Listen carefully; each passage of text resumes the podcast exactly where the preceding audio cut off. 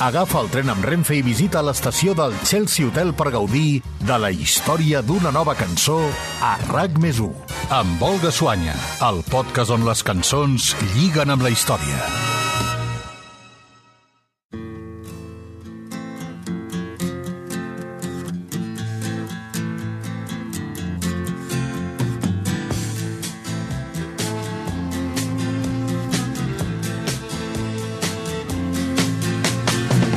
En aquest nou episodi del Chelsea Hotel us convidem a escoltar Hurricane, la cançó que Bob Dylan va escriure sobre el cas del boxejador Rubin Carter injustament acusat d'un triple homicidi.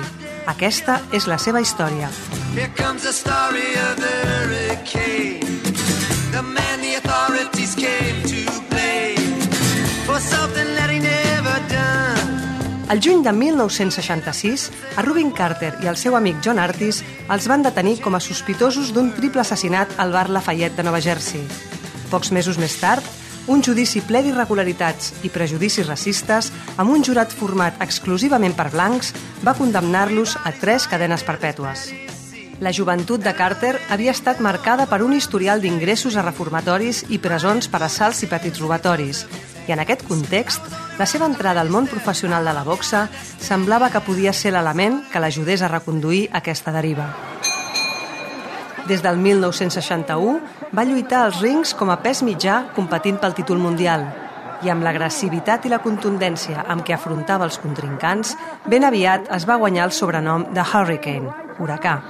He weighs 157, Ruben Hurricane Carter. Tot i que va fer alguns combats memorables, com el que va aconseguir noquejar el campió de dues categories, Emil Griffith, al primer assalt, Carter mai va aconseguir el títol que l'acredités com a millor del món. La seva trajectòria va ser molt destacada i si hagués pogut continuar en actiu, potser ho hauria aconseguit però l'acusació per assassinat va troncar la seva carrera.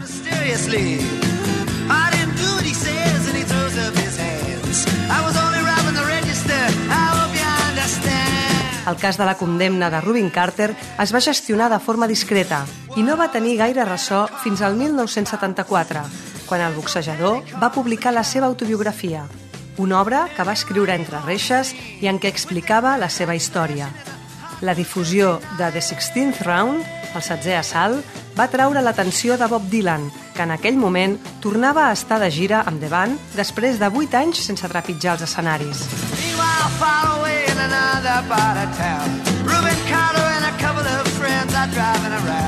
El cantautor va interessar-se pel cas de Carter i va desplaçar-se fins a la presó per reunir-se amb ell i conèixer en primera persona la seva versió. Convençut de la seva innocència i de la gran injustícia que s'havia comès amb ell, va organitzar diverses accions benèfiques per exposar la seva situació i ajudar a difondre-la. La més rellevant va ser el concert que va organitzar el 8 de desembre de 1975 sota el nom The Night of the Hurricane. Aquell vespre, Dylan va reunir prop de 15.000 persones al Madison Square Garden de Nova York en suport a la causa de Carter, en una actuació que va comptar també amb la presència i el compromís del més gran boxejador de la història. Ladies and gentlemen, the world's heavyweight champion, Muhammad Ali. Thank you. Thank you, everybody. Thank you very much. We are here in support of a boxing friend of mine who's been unjustly imprisoned now for nine years of his life. Però l'element que definitivament va donar màxima repercussió al tema va ser l'edició de Hurricane, la cançó que relatava la història de Rubin Carter.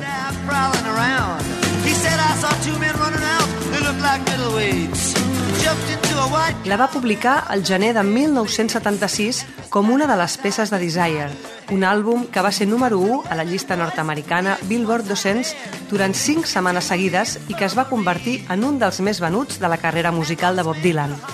És un treball que conté cançons d'històries i denúncies i on juntament amb Sara, la cançó que va dedicar a qui llavors era la seva dona, Hurricane va destacar com una de les seves grans composicions.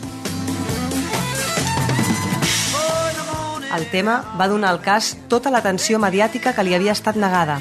La popularitat de Hurricane va fer créixer el moviment ciutadà a favor de la revisió de la causa de Carter i fruit d'aquesta pressió social es va aconseguir que s'iniciés un segon procés judicial que després de diferents apel·lacions i tribunals va desembocar en l'anul·lació de la condemna.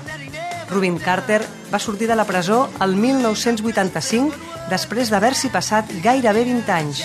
Durant tot aquest temps, l'exboxejador es va dedicar a defensar la seva innocència i a lluitar contra el sistema presidiari que el mantenia tancat. I knew that I was innocent. I knew that I was not in prison for murder.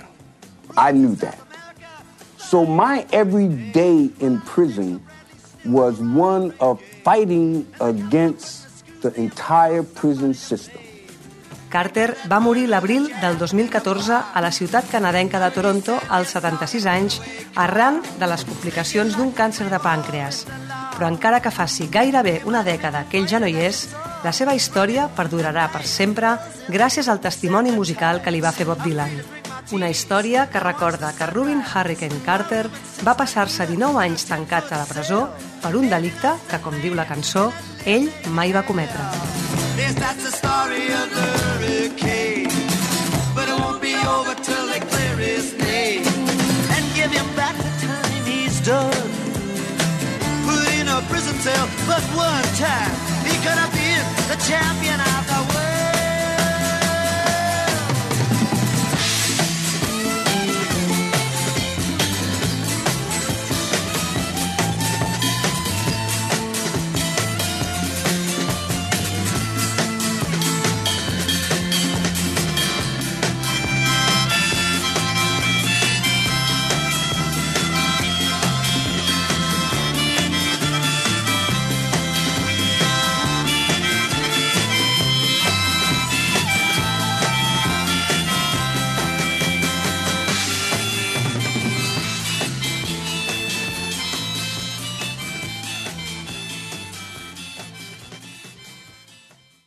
El tren de Renfe, amb parada a Chelsea Hotel, reprendrà el seu viatge i tornarà dissabte que ve amb noves cançons a RAC més 1, amb Olga Suanya, el podcast on les cançons lliguen amb la història.